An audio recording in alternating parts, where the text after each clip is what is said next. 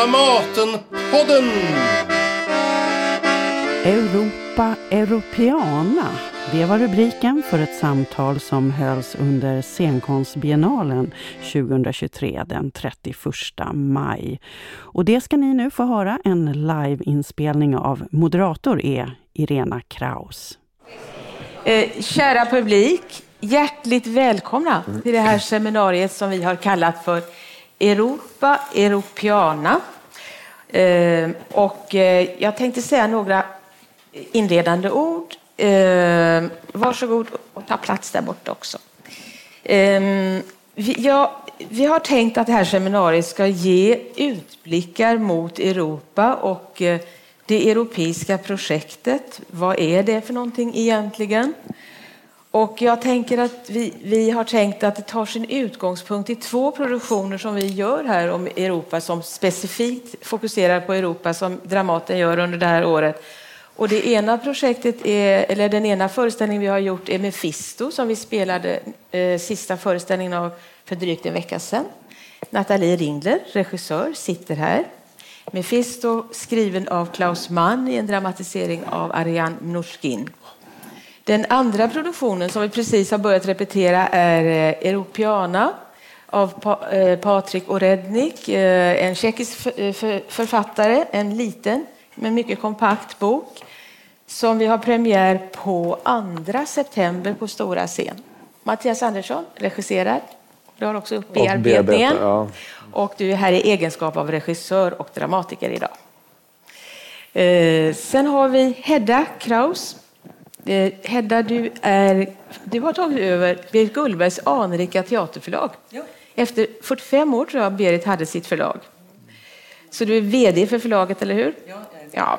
Du är också regissör, du är dramatiker eh, och du har också varit tills alldeles nyligen kulturråd i Sydafrika. Ja. Jag tänker prata lite om det. Här har vi Per Wirtén, journalist, författare. Du har skrivit väldigt mycket om Europafrågor och jag sa precis innan vi gick in här att jag är helt knockad av din bok här. Det är en av flera böcker du har skrivit. Den heter Är vi framme snart? Här reser du i forna, eh, ja du reser tåg genom Europa och det var ett tag sedan som du sa, det var 2015, det var inte så himla länge sedan faktiskt. Jag kan bara nämna några platser på vägen. Du reser från, upp här från Bulgarien via Rumänien, Ungern, Wien. Så småningom hamnar du på väldigt eh, tunga namn här. Przemysl heter det så? Przemysl. Ja, ja. Mm. Fantastiskt stad. Ja, ja. Jag rekommenderar en resa dit. Ja, också tyngd av historien tror jag, för det skriver de i boken. Du går via Krakow och så kommer du till Oswiecim. Och det här är ju stan utsatt som en stad. Då. Det är Auschwitz. Lägret ligger rakt över rälsen. Eh, där stannade jag, för jag tänkte att det är det här vi kommer att prata lite mer om. Men innan vi går vidare så har jag bett två av våra skådespelare i ensemblen, Rebecca Prymholt och Joel Valois, att läsa en litet smakprov ur Europeana. Välkommen fram.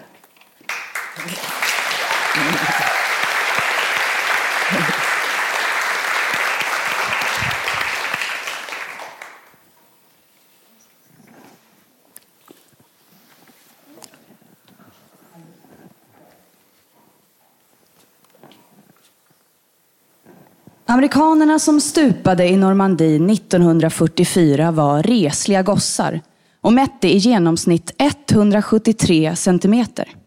Och om man hade lagt dem efter varandra med fotsulorna vid gässorna skulle de tillsammans ha sträckt sig 38 kilometer.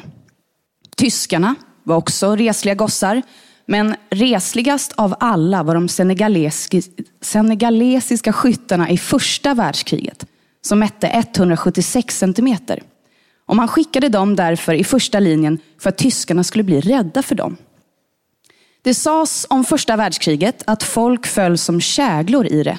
Och de ryska kommunisterna räknade senare ut hur mycket gödsel en kilometer lik gav. Och hur mycket dyr utländsk gödning man sparade genom att använda liken av förrädare och brottslingar att gödsla med. Och engelsmännen uppfann tanksen och tyskarna en gas som de kallade ypperit. Eftersom den användes första gången vid staden Ypres. Mm, men det lär inte vara sant. Den kallades också för senapsgas eftersom den stack i näsan som senap från Dijon. Och det lär vara sant. Och en del soldater som kom tillbaka hem efter kriget ville aldrig mer äta dijonsenap. Det sades om första världskriget att det var ett imperialistiskt krig eftersom tyskarna hade känslan av att andra länder var negativt inställda till dem och inte ville tillåta dem att bli en stormakt och uppfylla någon slags historisk kallelse. Och de flesta människor i Europa hade fått för sig att det var ett nödvändigt och rättvist krig och att det skulle skapa fred i världen. Och många människor trodde att kriget skulle väcka mänskliga dygder till liv som den moderna industriella världen skjutit i bakgrunden.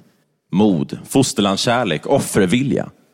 Och fattiga människor gladde sig åt att få åka tåg och folk på landsbygden gladde sig åt att få lära känna storstäder. Och generalerna gladde, generalerna gladde sig åt att det skulle stå om dem i tidningarna. Och folk från de etniska minoriteterna var glada över att få dela kriget med dem som talade utan brytning. Och att få sjunga marschsånger och glada slagdängor tillsammans med dem. Och alla trodde att de skulle vara hemma igen till vinskörden, eller senast till jul. En del historiker sa senare att 1900-talet egentligen började först 1914, när kriget bröt ut. Eftersom det var det första kriget i historien i vilket så många länder deltog och i vilket så många människor dog och vilket luftskepp och aeroplan flög omkring och bombade hemmafronten och städer och civilbefolkning och ubåtar sänkte fartyg och kanoner besköt platser 10 eller 12 kilometer bort.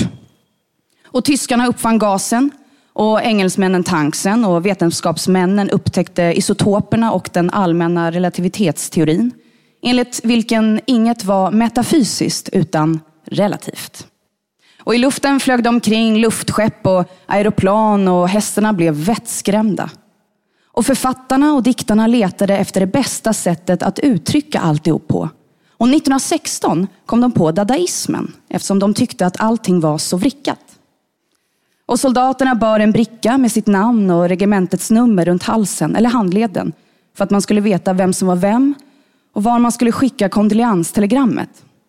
Men när en eh, explosion slet av huvudet eller handen och brickan försvann förklarade den militära staben att de var okända soldater.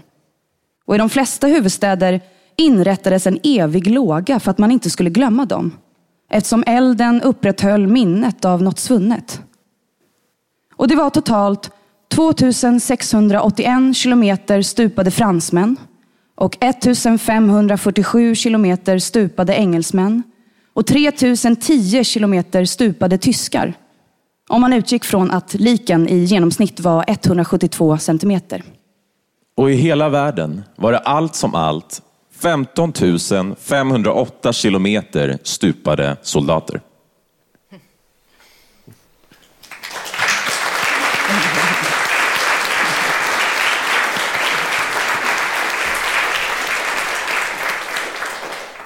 Tack så hemskt mycket Joel och Rebecka. Resten får ni höra när ni kommer och ser föreställningen. Premiär 2 september på stora scenen.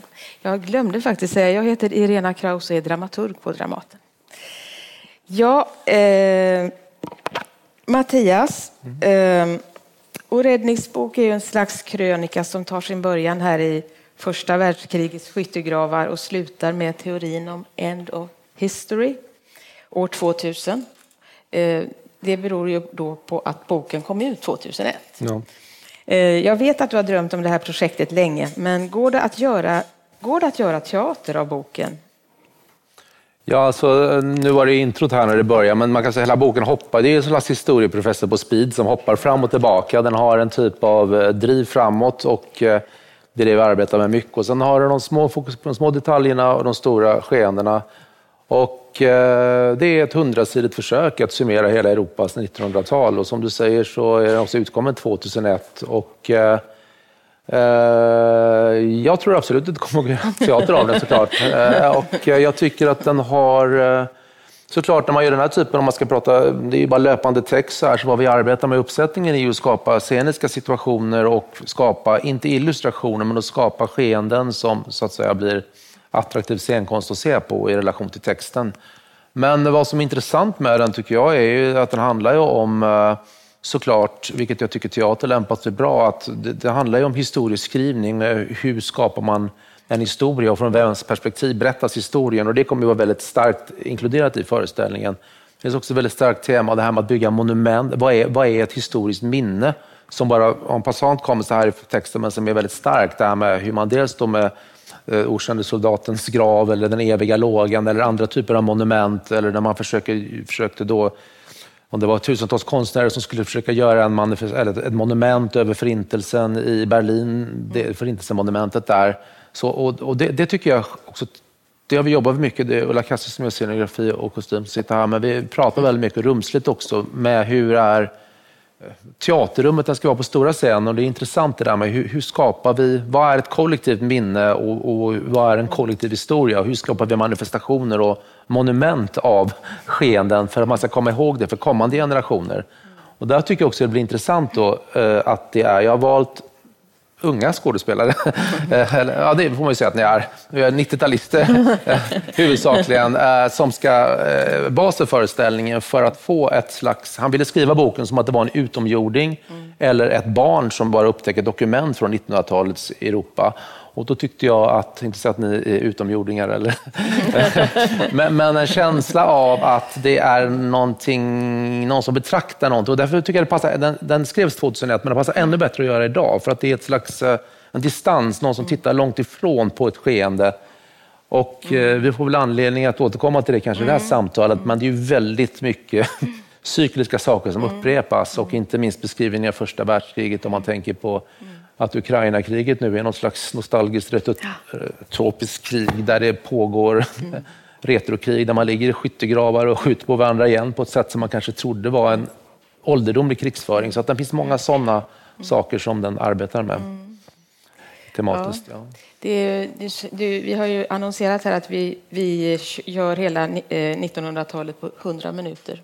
Så mm. att det omfattar rätt mycket helt enkelt. Ja, och det blir också såklart en sån, när man bara urvalet i sig själv sätter ju alltid igång en dramaturgi. Varför har de valt det här och inte det? Varför är den här mm. historien inte med, men den historien? Och det i sig, gör man det som en medskapande element i en teaterföreställning så blir det väl något väldigt dialektiskt i det. Man kan sitta och reflektera över det. Och det hoppas jag att uppsättningen också kan, eh, för det är ju ett totalt omöjligt projekt såklart att formulera. Och inte minst så omformuleras historien konstant hela mm, tiden. Mm, verkligen.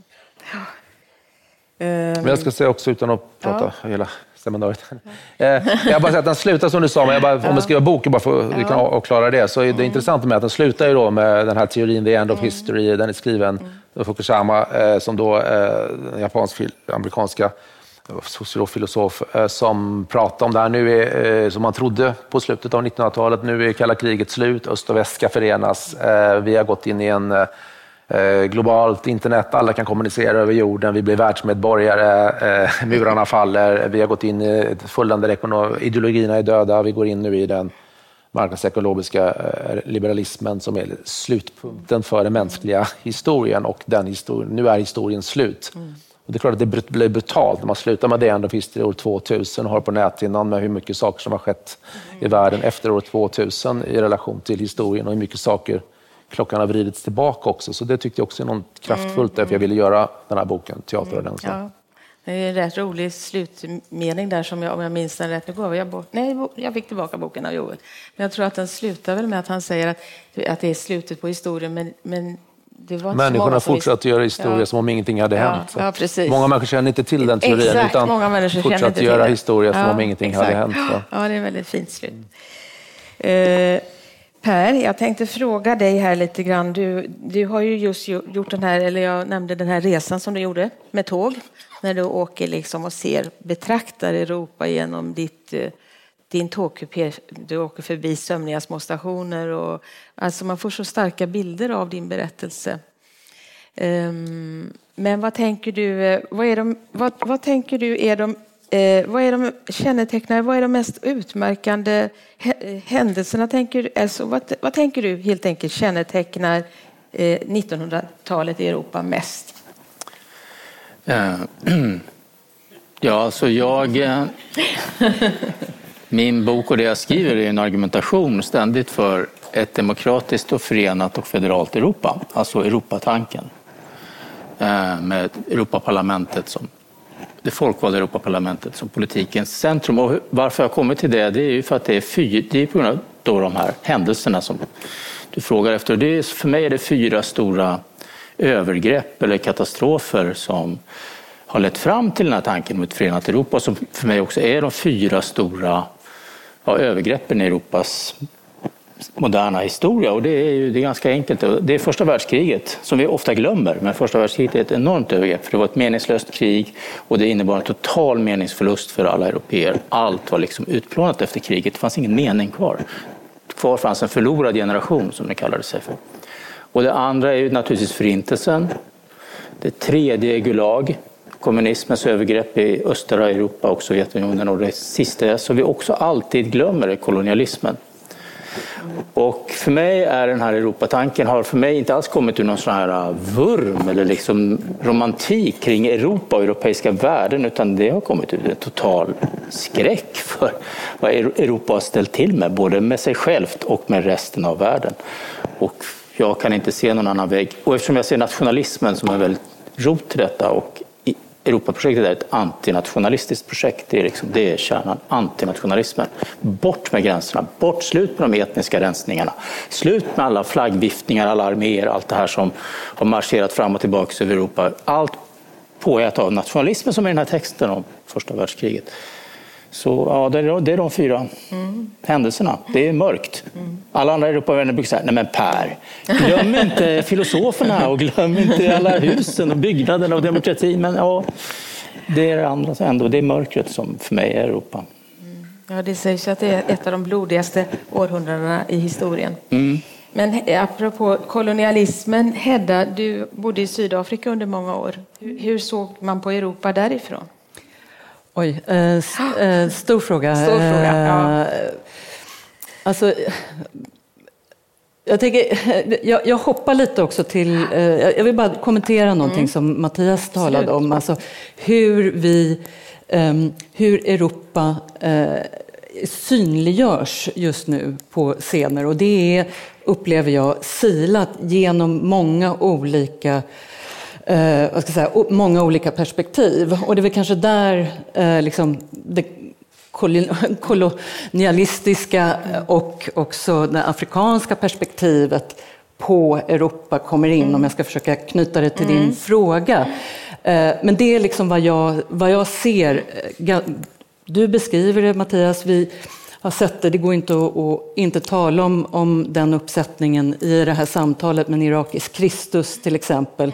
Där vi har en, eh, liksom en irakisk författare bosatt i Finland eh, dramatiserad av en svensk dramatiker bosatt i Köpenhamn och sen uppsatt här i, i Sverige och som försöker beskriva det här blodiga och stängda Europa. Det är ett exempel. Um, och jag, jag, har, jag har flera andra som mm. jag tänkt på inför det här samtalet också, mm. men jag, jag, kan vänta lite med det. Men, men alltså, um, jag tänker att Europa Projekt Europa bygger ju murar, det, det, är liksom, det, det, är en kliché nästan. Men det gör ju också att i de få sprickor som finns så sipprar liksom de nya rösterna in. Och det är väl liksom det jag ser från Afrika, att i Sverige Ja, Frankrike har det ju funnits eh, röster från Afrika länge. Alltså Goncourtpriset gick 1987 till en arabisk eh, talande och fransktalande författare. Men i Sverige har det tagit så lång tid. Men nu börjar de afrikanska rösterna komma hit. Alltså vi hade Ben Okri här på Dramaten till exempel för några år sedan. Ehm, men hur ser afrikanerna på Europa? Alltså jag tror, om jag ska säga någonting väldigt brett, så nu med kriget eh, eh, i Ukraina så upplever jag nog att många afrikanska länder i det jag kan följa vänder sig ju bort från Europa och från den europeiska, europeiska idén om frihet och demokrati. Alltså vi måste komma ihåg att det finns så många olika idéer om vad frihet och yttrandefrihet är. Så att vi ser i Sydafrika eh, eh, ja, eh, just nu så eh, eh, ger man fri lejd liksom till eh, Putin att komma till möten i Sydafrika. Så bilden, bilden är ju kom, ja, komplex och silad genom många olika mm. perspektiv. Afrika bara i Sydafrika talas 14 olika språk mm. och lika många kulturella erfarenheter mm. eh, som, där man kanske har lyckats bättre, mycket bättre egentligen än vi i Europa att leva mm. tillsammans, mm. trots allt. Alltså apartheid var en kort period, ska vi komma ihåg. Eh, det är bara 30 år och sen både före och efter så lever ju folk faktiskt i fred med varandra. Jag vet inte, det var inte alls Nej, kanske men svar. Det var, men det var en stor ja, fråga också. Stor jag, fråga. Jag, jag, backar tillbaka ja. nu lite grann och nu backar jag tillbaka in i Europa här igen. Eh, jag vill fråga dig Nathalie, ehm, du har ju verkligen intresserat dig för etniska konflikter i Europa. Både, du nämnde, ja, nu nämner du irakisk Kristus, det är då en annan del av världen, men, men jag tänker såklart på vår klass av Tadeusz Slobodzianek som du gjorde på Galeasen. Grannar som blir fiender och dödar varann. Eh, jag, eh, jag vet inte, jag, jag, tänker enormt många olika tankar här men, men, men eh, jag tänker framförallt på det du sa när vi träffades kort för någon vecka sedan. Då sa du, ja fast jag tänker ju att Sverige det är ju inte riktigt en del av Europa. Vad, vad menade du med det? Ja, alltså... jag, jag har, förlåt, nu blir jag så här för att nu, nu rasslar det i huvudet om alla olika saker som jag säger. Jag ska försöka fokusera. Eh, det jag tänkte när jag sa det, tror jag, det är att, att eh, eftersom jag då, är, som du säger, har ett, ett specialintresse mm. så har jag upplevt många gånger att det mm, inte riktigt, att jag inte har så många att prata med om det här specialintresset. Ehm, I synnerhet eh, när jag växte upp i en familj som var eh, eh, på många sätt besatt av Europa och inte minst av andra världskriget som ju är liksom det, där, det där kriget. Liksom. Ehm, och det var en sak som jag sa några gånger när vi höll på med vår klass att, att det här landet är det enda landet, förmodligen i alla fall i hela Europa, där andra världskriget är slut. Och Eh, och, och, så är det fortfarande. Därför att i alla andra länder så pågår det. Ständigt och för evigt. Eh, och det är en sak som verkligen eh, utmärker oss. Eh, och eh, det jag tänkte på när vi pratade, det, mm. det var väl lite grann det där att egentligen är det inte så konstigt att det är så. För att egentligen om man tänker efter, hur, hur stark är vår relation till Europa i det här landet? Jag vet inte, men, men uppriktigt sagt kanske inte jättestark. Alltså, i, I ärlighetens namn så är det ju Skandinavien som har varit starkt. Alltså det, det finns ju en, eh, en mycket liksom, naturligare kulturell samhörighet historiskt sett nu med eh, Finland, Norge, även Danmark, även om vi tycker att de är lite liksom, närmare kontinenten och så vidare. Eh, och, och jag, utan att liksom... Egentligen så är det väl eh, inte så konstigt. Ja, förlåt, jag tar av det. Ja, jag tar av det. Tack. Slipper, slipper folk höra skramlet. Um, det var intressant annars. Jag undrade vad det var. ja, precis. Alla undrade. um, och... Uh, det, det, är ju liksom, jag tänker att vi, nu är vi ju också faktiskt eh, ordförandeland i EU. Jag, det är ju ingenting som vi direkt så här, gör något av. Det är inga vimplar eh, och, och liksom parader utan det, ja, det, vi, vi, kämpar, vi kämpar på. Liksom. Mm. men men då, om man, i synnerhet om man just jämför med, som vi bara snabbt hann röra vid när vi sågs, vår, vår relation med USA. Den är ju mycket starkare kulturellt, alltså i, i, i, inte bara kulturellt utan politiskt och på alla plan. Och du hade några... Nej, men jag tänker också liksom att det känns som att hela den, liksom, eftersom jag är jätte Andersson, svensk, eh, uppvuxen i socialdemokratin, liksom, så känns det som att det är mycket, mycket mer det svenska har ju varit internationella, varit väldigt kopplat till, liksom till Sverige och sen är det mycket mer kopplat till kanske internationella solidaritetsprojekt, att man har relationer till Afrika, man har haft relationer till, till Palestina, till, till andra delar av världen har ju varit mycket mer den svenska internationella identiteten, Chile, Latinamerika. Alltså det har ju varit mycket mer kopplat där, har liksom internationellt. Så Sverige, är liksom, om man ska ta en svensk självbild, upplever jag mycket så 70-tals, 80-tals Sverige har varit mycket liksom Sverige här, inte riktigt Europa och sen har vi varit relaterade till eh, eh det som förr kallades då tredje världen, men som nu kallas något annat. Men att det funnits en sån där tanke om det. Och det har ju varit mycket den internationella svenska identiteten. Så jag tycker också den här boken är intressant så tillvida att man faktiskt, precis som du säger, det här europeiska projektet. Och det var ganska slående, vet jag, när det var första världskrigets Eh, för hundra år eh, det måste ju varit då 2017. Mm. där, va? Då när nästan alla europeiska teatrar skulle göra stora föreställningar om första världskriget, precis som Per beskriver, och mm. vi skulle vara med i något internationellt sammanhang. Det var liksom ingen riktig Sverige som gjorde någonting om mm. första världskriget, för att det var så tydligt i Tyskland, Frankrike, England, en del av Europas historia, men inte alls kopplat till den svenska historien på det sättet. Så att, jag tycker absolut det du säger, att det här med Europa är som det är, något, det är några stora franskar och tyskar och ja, ja, engelsmän det, det och italienare som är lite liksom. och sen, och, ja. Precis, och sen så mm. har vi ju ett specialintresse för Tyskland på ja. lite olika vis. Liksom, så det har vi en, en någon slags relation till. Och i Men det anglofila som du säger också. USA har mycket starka identiteter också. Jag ska, släppa in, jag ska släppa in dig Per. Jag måste bara fråga, en kort replik till Mattias. Det var det du menade när du sa då att för det, det sa, pratade vi också om vid det tillfället, att eh, det är knappt någon som minns första världskriget längre. Men då tänkte du på... Ja, det var väl en väldigt... Ja, det, var, det, det var väldigt... Ja, ja, men det var bara snabbt sagt. någon som jag minns, plockade en replik. Ja, ja, nej, ja, nej, nej, men, ja. nej, men säg vad du tänkte på bara. Nej, det var väl en relation till det. Att, att jag tänkte att just, framförallt när, när det var mycket andra projekt i ja, Europa. Absolut, äh, absolut. Nej, men det är det jätteintressant. Det jag, att... jag tänker som du, så att det är inte något konstigt. Mm. Eh, per, vad var det du ville komma in? Nej, men jag vill koppla på också där, mm. Nathalie. Så att jag, jag håller helt med. Sverige, du ska inte, min senaste bok, jag har skrivit tre böcker om Europafrågor, jag ska aldrig mer skriva något mer, jag lovar. Det säger jag också varenda gång. Ja, men, jag kommer inte, men den sista boken som jag skrev under pandemin, på grund av den här pandeminationalismen, coronanationalismen som plötsligt dök upp i Sverige med svenska flaggor överallt istället för Europaflaggorna som bara försvann. Så var det en undersökning av att det här som jag tycker är verkligen ett ouppklarat förhållande Sverige har till Europaprojektet.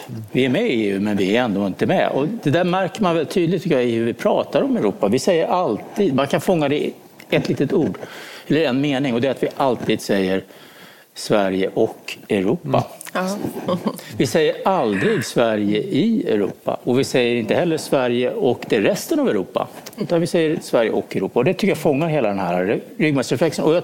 Men däremot tror jag inte alls att det handlar om kulturell likhet eller olikhet. För länderna i, som verkligen bejakar Europaprojektet, där det har funnits parti, eld, eldsjälar som har jobbat för den här frågan sedan 1920-talet så finns inte heller så mycket kulturell likhet. Jag menar, vad har Nederländerna gemensamt med Bulgarien eller med Italien? Nada, skulle jag vilja säga. Så, så, det handlar inte om kulturell likhet, utan det är poängen med projektet, att alla är kulturellt olika, men man har en politisk övertygelse. Alltså politiken överbryggar de kulturella skillnaderna. Det är hela poängen med projektet. Och Sverige har inte fattat det. Eller liksom, av någon anledning har vi valt, och det där kan man reda ut, det är jätteintressant när man läser svensk 1900-talshistoria, hur det här har vuxit fram.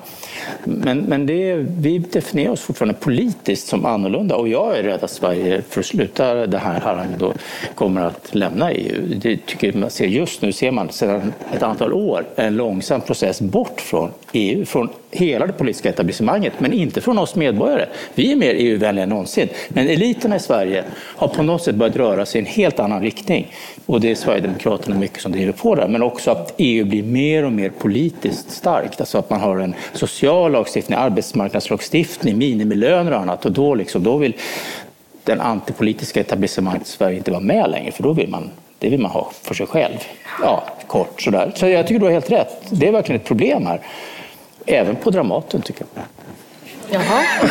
Du får gärna utveckla lite. Replik. Ja, men, Mattias. Mattias, du och jag var i ett samtal för något år sedan tror jag, med, här på Dramaten också. Då sa jag det att jag tycker att jag saknar nyskriven europeisk dramatik. Mm. Var finns den? Vi är en del av EU. Vi är medborgare i EU. På mitt pass står det EU överst och Sverige sen. Men var finns den europeiska konstnärliga offentligheten på Dramaten och Stadsteatern? Ja, det här är en dramatisering av en bok. Jag, jag, jag, jag, håller helt med dig och, och, nu vill jag inte bli felciterad där så jag ska säga, uttrycka mig väldigt exakt. Eh, någonting. Men, eh, så där menar att, jag menar att man ska gå med det och jag håller helt med när vi spelar men det är också det publika intresset för nyskriven europeisk dramatik. Alltså, eh, svensk dramatik med tema ämne, det kan alltid gå hem. Engelsk dramatik, amerikansk dramatik, eh, vi har eh, Arv här till exempel, ja, Inheritance, det är jättebra. Eh, tysk dramatik kommer därnäst, men börjar man komma liksom på fransk eller kanske polsk dramatik eller på andra europeiska områden där, bulgarisk dramatik eller rumänsk dramatik eller bara italiensk dramatik, då blir det eh, eh då svalnar intresset. Och nu säger jag återigen, jag menar inte att man ska gå med det, men jag säger bara att det, det, det, det är också tydligt att publiken där kanske inte heller identifierar sig då på det sättet som eh, så intresserade av det här europeiska som pågår. Men det är så konstigt, för vi läser ju franska författare. Ni ja. har inte läst Nina Bouraoui. Jo, Edward Louis men vem har sett hennes uppsättning? Men, men varför har man inte hennes teateruppsättning som det finns som roman också satts upp i Sverige till exempel? Ja. Den kommer? Ja. ja. det är intressant ändå. Men, men, ja, kan, med, med, för franskan är Bad Louis till exempel, som mycket teater av, det, det går ju väldigt, väldigt bra. Så det ska jag säga emot mig själv faktiskt. Men det är klart det är bearbetningar av. Ja, ja men jag tänker att det handlar lite grann om infrastruktur också. Mm. Alltså om vi nu pratar specifikt om, det här, om liksom varför det ser ut så här. Alltså, eh, om vi tittar på hur det ser ut med dramatikfestivaler mm. till exempel. Jag tror att det sitter några i publiken här från Korsak-festivalen, Dominika är här. Alltså det finns ett stort intresse för svensk dramatik utomlands. Ja, det tänkte jag fråga dig faktiskt. Ja. ja. Eh, och det ser vi till exempel ska vara svenskt tema då på Korsak-festivalen. Jag tror det är nästa år, om jag säger rätt. Eh, vi har just haft svenskt tema på eh, Heidelberger Stückemarkt. Men vi har inga dramatikfestivaler på det viset där vi bjuder in, alltså i Sverige. Så där, där kanske det, det kanske är så just för att vi ser oss själva ur, ur något annat som, ja, ur ett annat perspektiv, alltså Europa och Sverige. Men, mm. men det skulle kunna vara en idé kanske eh, kring hur vi kan närma oss eh, varandra mm. även men och du, öka intresset. Men du tycker, eh, att, eh, du tycker att svensk dramatik, tycker du att den står sig bra i Europa då, om man vänder på det? Eh, ja, absolut. Mm. Alltså, verkligen. Och det, det, ja, det kan jag prata jättemycket om, men mm. det ska ju vi vara, eh, vara med i och, och liksom, eh, säga, agera i det, det, intresset och också eh, låta öppna oss för, för de impulser som då kommer, eh, kommer utifrån. Alltså det, det mm. behövs ju ett, liksom, eh, givande och tagande. Men, men eh, ja, herregud, och inte minst efter pandemin. Alltså, mm. Som sagt, vi var just i Heidelberg eh, där eh, Alejandro Leiva Wenger vann eh, drama, dramatikerpris. Eh, flera svenska dramatikers pjäser lästes fullt hus. Liksom. Massor av folk i lilla Heidelberg som kommer för att lyssna på dramatik. Så det, det är ju bara e-, ett exempel, det är anekdotiskt. Men vi ser också i Frankrike liksom, intresse. Det läses. Vi har haft Ja, nu pratar jag om vår verksamhet ja, här, men, men ja, alltså det, ja, genom nej, den vi, så ser vi ju absolut mm, att det finns eh, mm, starkt intresse för, ja, för nej, men Jag bad er också, men... jag bad er tänka på vad, hur ni tycker snarare att det är gestaltat på de europeiska scenerna vår samtid. Eh, vi kan väl komma till det kanske. Jag, jag, vill backa tillbaka in i vår historia ett tag till. Ja.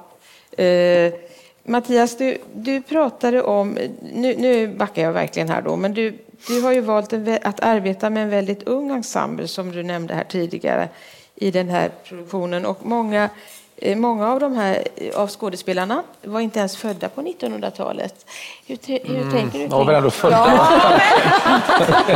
några, alltså du har ju valt då några som verkligen var det. Nej, men, vad var tanken De har inte mycket erfarenhet. Mycket. Men, men vad var tanken? Vad var tanken, ja. Mm. Nej, men det var just det. Jag mm. tror att jag sa det i början också, men det var väl det att när man får, får det här liksom lite eh, vad ska man säga, ja, men, se historien lite Mm. grann i ett annat, en bit ifrån och kanske lite storögt och ovärderat på ett sätt som man liksom sen eh, går in. Samtidigt så råkar det hända sig så att väldigt många när vi satt och samtalade om uppsättning, det var inte någon medveten tanke, men man märker när man sitter och pratar med folk, det är väldigt många som har bakgrunder i olika europeiska, från Polen till Ungern Mm. Ja. till judiska erfarenhet. Alltså det är, när man samlar ihop en grupp människor så har ju alla väldigt mycket historier i släktled tillbaka från, från olika delar av eh, eh, Europa och även några som har utomeuropeisk, eh, utomeuropeisk bakgrund. Så det är klart att det i sig tycker jag också är intressant när man då ska prata om projekt Europa och, och, och, och, och hur man vänder och vrider på jag har ju texter om, eh, nu är Nemanja inte här, men det är texter om eh, Balkankriget Ja, till exempel och. Nemo som har bakgrund därifrån. Det är klart att det för honom blir Vad påstår man om det här nu i relation till hans erfarenhet? Ja. Så det, det där är ju, men det blir ju en del av uppsättningen också, utan att, ja, som jag tycker är. Eh, vi var inne på andra saker som handlar om, om minnen av historien och eh, du nämnde det tror jag Per, här, men vi pratade om monumenten man bygger över historien och eh, en annan en märklig sak i boken, och nu ska vi lämna den kanske, men där finns heller inga personnamn i boken som jag tycker, alla är namnlösa vilket är intressant. Men jag funderar över hur skapar vi monument över historien och vem är det som skriver den? Eh, jag vill fråga dig Nathalie. Eh, Ja. alltså jag, det där är jätteintressant för att vi eh, Eh, är en kultur här där vi är ganska ovana vid monument, påstår jag. Bara sådär. Att, eh, jämfört med i alla fall eh, eh, den centraleuropeiska eh, traditionen av monument, som ju är den som är, ligger närmast för mig att prata om. Eh, där kan liksom vad som helst egentligen bli ett, ett monument om tillräckligt många människor är överens om det. Alltså det, det, det, och, och, eller, och kanske ska man inte ens säga monument utan metafor på något sätt. Alltså det, det blir som att eh, Ja, det där huset på den där gatan, där hade Gestapo sitt högkvarter. Så nu är det liksom ett slags eh, monument, men ett tyst monument på sätt och vis. Därför att det, är ju, det, det står en liten skylt på. Men samtidigt så vet alla att det var så. Så att det, där är, det där bara traderas på något sätt. Eh, och, ehm, eh, det finns en, en, en sån eh, fantastisk ehm, bild från Warszawa eh, där ju staden förstördes ganska ordentligt under andra världskriget och sedan byggdes upp. Eh, Men då byggdes den ju, en del av den byggdes ju som en exakt kopia och replika av, av, av Gamla stan, men sen byggdes det mesta nytt. Men vägarna, alltså de gångstigar där människor tog sig fram, eh, de behöll människorna i sig själva. Så att de tog liksom samma väg trots att den nu gick över en parkeringsplats eller någonting ditåt. Så att det finns liksom en slags eh, ga, eh, vad säga, en spökkarta över staden i människorna som bor i den. I alla fall ett litet tag till. Eh, och, och det tänker jag är liksom just det där, vad, hur skapas ett monument kanske är, är också frågan hur, hur skapas ett kollektivt minne? Och det sker ju tyvärr oftast genom eh, en gemensam sorg. Eller ett, ett eh, gemensamt sår. Och kanske är det därför som, som Europa har så många. Eh, jag ska bara, att, att vi eh, också ibland inte riktigt förstår dem som, som vi ser, för att vi kan inte läsa dem. Eh, där det i en ukrainsk pjäs kan finnas massor av små dolda budskap som vi inte kan läsa av. För att vi är inte tränade till det i vår kontext. Att det just kan vara ett, ett budskap från dramatikern om att nu använder vi den här Eh, eh, sången. Eller hon är klädd i blått. Och vi tänker blått, blått. Men i själva verket så är det ett, ett, ett litet monument. Mm. det var ett väldigt rabalder. Jag vet inte om ni läste i DN idag, men det stod ju om, det har varit ett väldigt bråk om den här utställningen på Polin på, på Judiska museet i Warszawa. Det var fantastiska bilder från Warszawa där ju som, eh, nej där stod det att det var, det, var, det var viktigt att få in bildmaterial som inte var från tyskar som hade dokumenterat saker. Så det var någon polsk ingenjör som hade tagit bilder precis. Ja, men det handlar, den, det handlar konkret om eh, ja, men polska regeringen har blivit rasande för att det handlar om skuldfrågan såklart. Men, men det handlade egentligen om alltså, eh, den situationen där eh, in, innanför muren brann gettot men utanför pågick livet precis som vanligt. Eh, jag har läst artikeln för den är väldigt intressant faktiskt. Men jag tänker, Per, du har, du har ägnat dig lite grann åt det här. Alltså det har ju gått i vågor helt enkelt historiskt kring hur man har förhållit sig till vad som hände under kriget. Eh, alltså, det, det fanns en tid direkt efter kriget, om vi bara talar om Tyskland, så fanns det en tid när man snarare la locket på och eh, eh, många av dem som faktiskt var aktiva under kriget, alltså nazister under kriget, de gjorde en stor karriär efter kriget. Du nämner, vad heter han, eh, Hallstein va? i din bok eller? Ja, just det. Ja. Han gjorde ingen karriär under kriget, men han var ja, men han i väl armén. Ja, men han gjorde väl ändå, han var ju nära Adenauer och det tror jag väl han gjorde. Ja. Men han var då, ja, jag tänker naturligtvis osökt på våran eh, Mefisto här idag, Gustav Gründgens. Han gjorde ju definitivt en karriär efter kriget. Eh, jag tycker det var intressant Nathalie, hur du eh, tacklade den där berättelsen. Alltså, eh, du komplicerade verkligen Gründgens, ja, bilden av honom, tänker jag, för, och ställde dig själv frågan, mm, vad skulle jag själv ha gjort? Mm. Mm. Verkligen. Jag, jag, måste bara snabbt associera till det du säger om gettot ja. och människorna Eh, utanför det. Bara så att, för att, eh, och det anknyter egentligen precis till det du säger nu. Eh, för att det, vi ska inte heller glömma bort nu när vi sitter här och pratar om Europa att, att gettorna finns fortfarande där. Lampedusa är fortfarande fullt av människor som, som är instängda. Och livet pågår på den här ön som om de inte var det. Och jag tror att det var den känslan som fick mig att vilja läsa eh, Henrik Höfgen på det sättet. Mm. Därför att det är, eh, om, om vi bara tittar på historien som om eh, vi visste eh, liksom vem, vem som var eh, vinnare och förlorare, ond och god och så vidare. Eh, då, har den inte, då, har, då är den död. Alltså då spelar det ingen roll. Då kan vi lika gärna låta bli. Mm. Om vi ska lära oss någonting av historien då måste vi försöka försätta oss i de här människornas ställe. Då måste vi försöka förstå dem, tycker jag. Eh, och, ehm, och Lampedusa är ett sånt otroligt exempel på det. Att vi kan ha haft de här gettorna i Warszawa och på andra ställen. Eh, och vi, tittar, och vi läser om det där och vi eh, liksom är fulla av emotion kring det. Men vi ser det inte på vår egen bakdörr. Liksom. Mm överhuvudtaget. Och, och det var, det, där tänker jag att, att um, Gryngens var, ja han var en medlöpare. Han var en person som tog sin chans. Uh, han tog möjligheten när den gavs honom. Uh, och jag kan inte vara säker. Jag hoppas förstås. Jag har en massa idéer om mig själv. Jag har en massa förhoppningar om vem jag är. Men jag kan inte vara säker på att jag inte tar den när det blir min tur.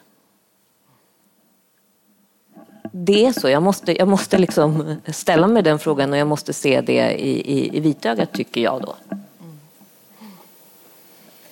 Mm. Ja, det är därför, som du säger, kriget tog inte slut 1945 nej, nej. i övriga Europa därför att alla har en morfar som gjorde ett val. Ja. Och han har splittrat familjen i två generationer. Ja. Så familjen ligger i ett inbördeskrig om sanning eller vad man ska inte prata om. Och så där. I Sverige finns det, vi är som eh, cancerläkaren Georg Klein eh, kanske sa, ja. fredsskadade. Vilket är ett, ett kontroversiellt påstående för det är ju en fördel att vi har fred, men ändå. Förskonade kan man ja, säga. Men, jag, men det här med historieskrivning, jag tror att historien skrivs för att förstå samtiden. Alltså vi skriver den för att förstå, få nycklar till vår egen tid. Eller för att hitta, hitta mönster eller en historia som kan vägleda oss mot en framtid vi önskar. Alltså vi använder historien på olika sätt och det är därför historien alltid förändras och skrivs om och är en stridszon. Och nu har vi haft Black Lives Matter och nu ser vi verkligen i USA hur den stridszonen har vecklats ut med kring monumenten, kring historieskrivning om slaveriet och rasismen i USA som har blivit en enormt het fråga. Och i Europa och i Sverige tror jag vi står inför en precis likadan historikerstrid och det är därför att vi är på väg in i en konservativ och nationalistisk epok. Det är liksom ett epokskifte, det är slut på den liberala epoken, glöm den. Vi är på väg in i någonting annat som gör mig vettskrämd och då måste historien plötsligt börja tolkas om för att legitimera den ordningen som vi är på väg in i. Och det tror jag vi kommer att, jag tror vi kan se små tecken på det redan. Och det kommer att, så vi kommer att ha den typen av historiestrider även här, hur man ska tolka Sveriges och Europas historia. Kanske inte minst också de här övergreppen i Europa, hur de ska tolkas. Jag... Per, det är förlåt, jag får skulle... säga en ja. sak. Förlåt Mattias. Jag vill bara säga, nu, jag, jag ser på klockan, det är därför folk reser så här. Kan vi, dra, kan vi dra över tio minuter? Och ni som måste gå, ni måste gå liksom. Så är det förstås. Men annars så håller vi på tio minuter till. Ja. Jag vet inte är det okej? Okay? Mm. Alla. Alla går. Alla går. Tack ska ni ha.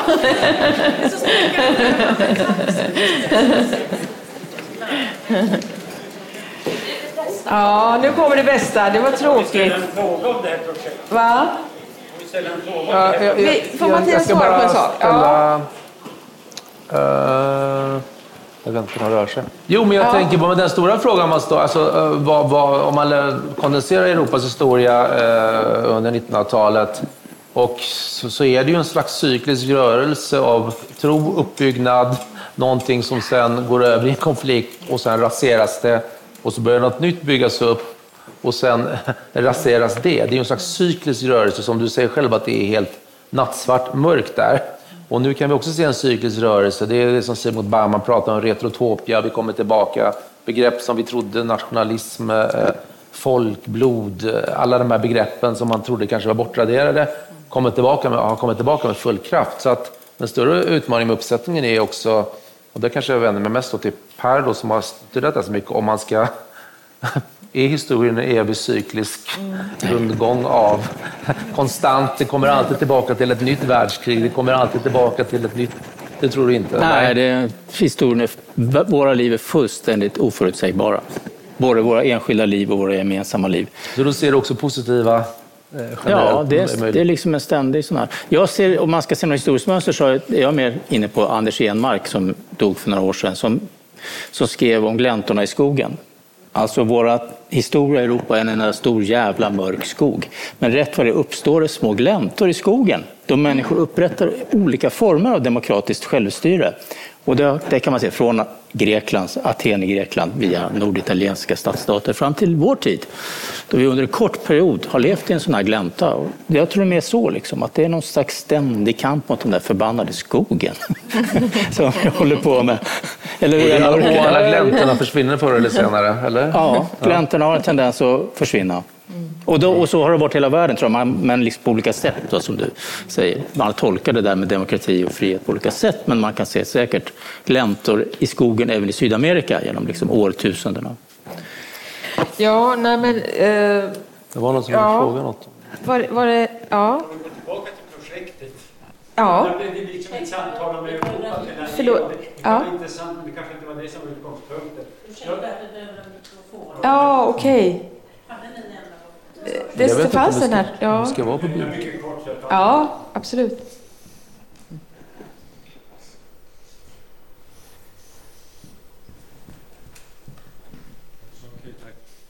Min första fråga är mycket fyrkantig.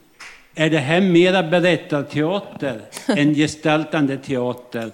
Och det går inte att säga i procentsatser självklart, men man kan luta sig åt det ena hållet eller det andra. Och jag frågar därför att Mattias sitter här som regissör. Jag har följt honom, jag har sett mycket med pjäser och jag har i min skalle utnämnt honom till svensk mästare i anti-undertext. Så jag, jo, jo, men jag kan argumentera, men jag gör det inte här. Så min fråga är, vilken är undertexten i att göra så många minuter om Europa med kända händelser? Vad är liksom det som ger ett perspektiv på framtida teater? Jag tycker att det går mycket emot att man börjar förakta undertext och gör framträdande på scen istället för teater. Och det här är min risk och låter provocerande så låt det vara det. Mm, ja, jag vet inte riktigt. Ja, ja, ja du får ju se uppsättning, uppsättning direkt. Jag vet inte. Jag jobbar ju med en teater som, som eh, i den här typen av scenkonst så är det ju liksom Eh, det är ju lika mycket bild och musik och komplexitet. Så det är någon som säger en text och sen så bygger man bilder i olika lager som gör det komplext och som pratar om samtidigheter. Så att eh, jag håller inte med om att det inte, saknar, det inte finns några undertexter eller vad det är med komplexitet, utan det är precis så som det är ett helbildstänk. Man måste kunna avläsa olika tecken i bilden för att det skapar tillsammans med olika, precis som teatern är ett element. Det ligger inte bara i texten utan det ligger också i andra saker som sker parallellt och dialektiskt med texten, kontrapunktiskt. Och, eh, så, så är väl tanken med den här uppsättningen. Asso associativ. Du får, komma, du får komma och titta. Vad sa du? Du demonstrerade nu att det inte var så mycket... Nej, det är ju inte en undertext i meningen att... Det, ja, det är ju du som säger det. Eh, jag, jag, eftersom det är en löpande text så vet jag inte riktigt. Det är en faktatext. Jag vet inte vad undertexten är. Undertext jobbar man ju med, med dialogdriven dramatik. Och, eh, då jobbar man undertext. Jag vet inte riktigt vad du... Det är väl en ganska europeisk form? Ja, Ja, precis. ja. en Så, europeisk form, det tycker nog jag också. En europe, ganska europeisk form, säger vi här framifrån. Undertext. Hörrni, Ja, vi, vi undertext. måste sluta, men jag vill inte sluta så här utan att få säga de här sista sakerna som jag har tänkt på här. Eh, eh, ja, ja, vi, nu var vi precis här i mina papper, går historien i cykler har vi pratat om. Nej, men jag vill prata om det här att eh, Nej, jag, jag hoppar. Alltså, Per, du skriver ju om att Europa börja, började utveckla en slags negativ identitet som vi, vi, vilade på avståndstagande från kontinentens övergrepp. Och du har nämnt om för- förintelsen, Gulag, kolonialismen och började utveckla sina egna minnesplatser. Bara det temat hade vi kunnat prata mycket mer om. Nu, det är så stort det här temat, men då hoppar jag nu raskt ner till och säger så här. Vid krigsslutet, nu talar vi om andra världskriget, drevs 200 000 invånare i Wroclaw, dåvarande Breslau, ut på vägarna mot Tyskland.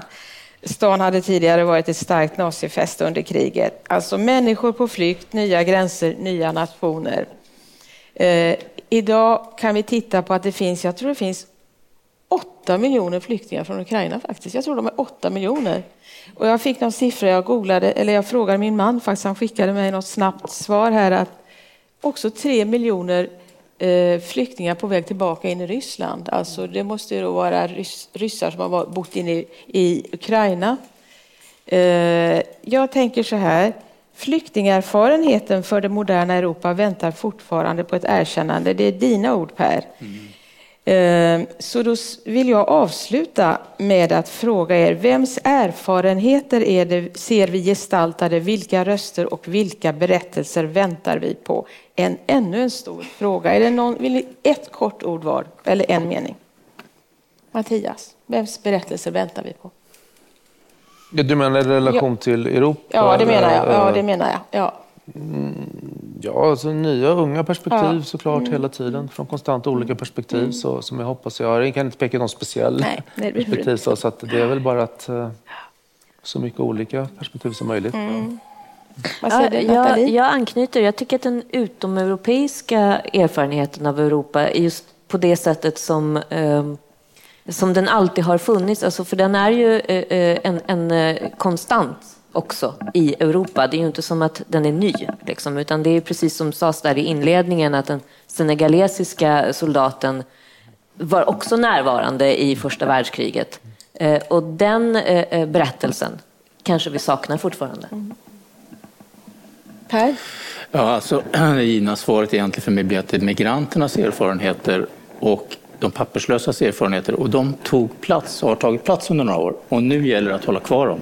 För nu kommer det finnas starka krafter som vill sopa bort dem och förneka dem. Och därför gäller det att hålla kvar de rösterna, för de är svaga och de är marginella i många sammanhang, men vi måste liksom få dem upp på scenen, så att säga, eller in i boken, eller in, ut i tv, eller var som helst, ut på torgen. De berättelserna är så otroligt viktiga, för ingen kan förstå vad Europa är utan att förstå vad det innebär att vara flykting. Hedda? Ja, och alltså, för att länka där, alltså den, eh, erfarenheterna av krig, exil och flykt, de, de, finns ju här i Sverige. Men de har, det har tagit många generationer innan de också har fått större gestalt. Eh, bland annat för att vi talar om oss själva som eh, ett fredsland. Men, men då pratar vi bara om geografin.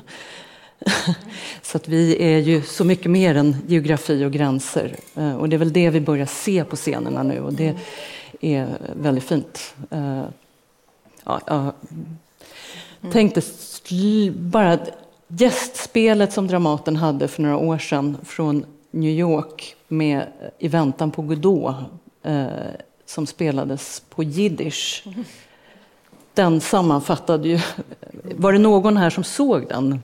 Mm. Inte, ja, några av er. Alltså, där Godot, eh, för mig i alla fall, för första gången inte bara var en idé, utan faktiskt en levd erfarenhet. Två personer i ett krigslandskap som inte längre hade en historia och inte heller någon framtid. Det är ju samma, samma situation mm. som Lampedusa eller eh, flyktingarna i Ukraina. Så, ja. Hörrni, tusen tack för att ni har lyssnat. Tack snälla Mattias mm. Andersson, Nathalie Ringler, Per Wirtén, Hedda Kraus och tack till och Joel och Rebecka. Tack till publiken. Dramaten-podden.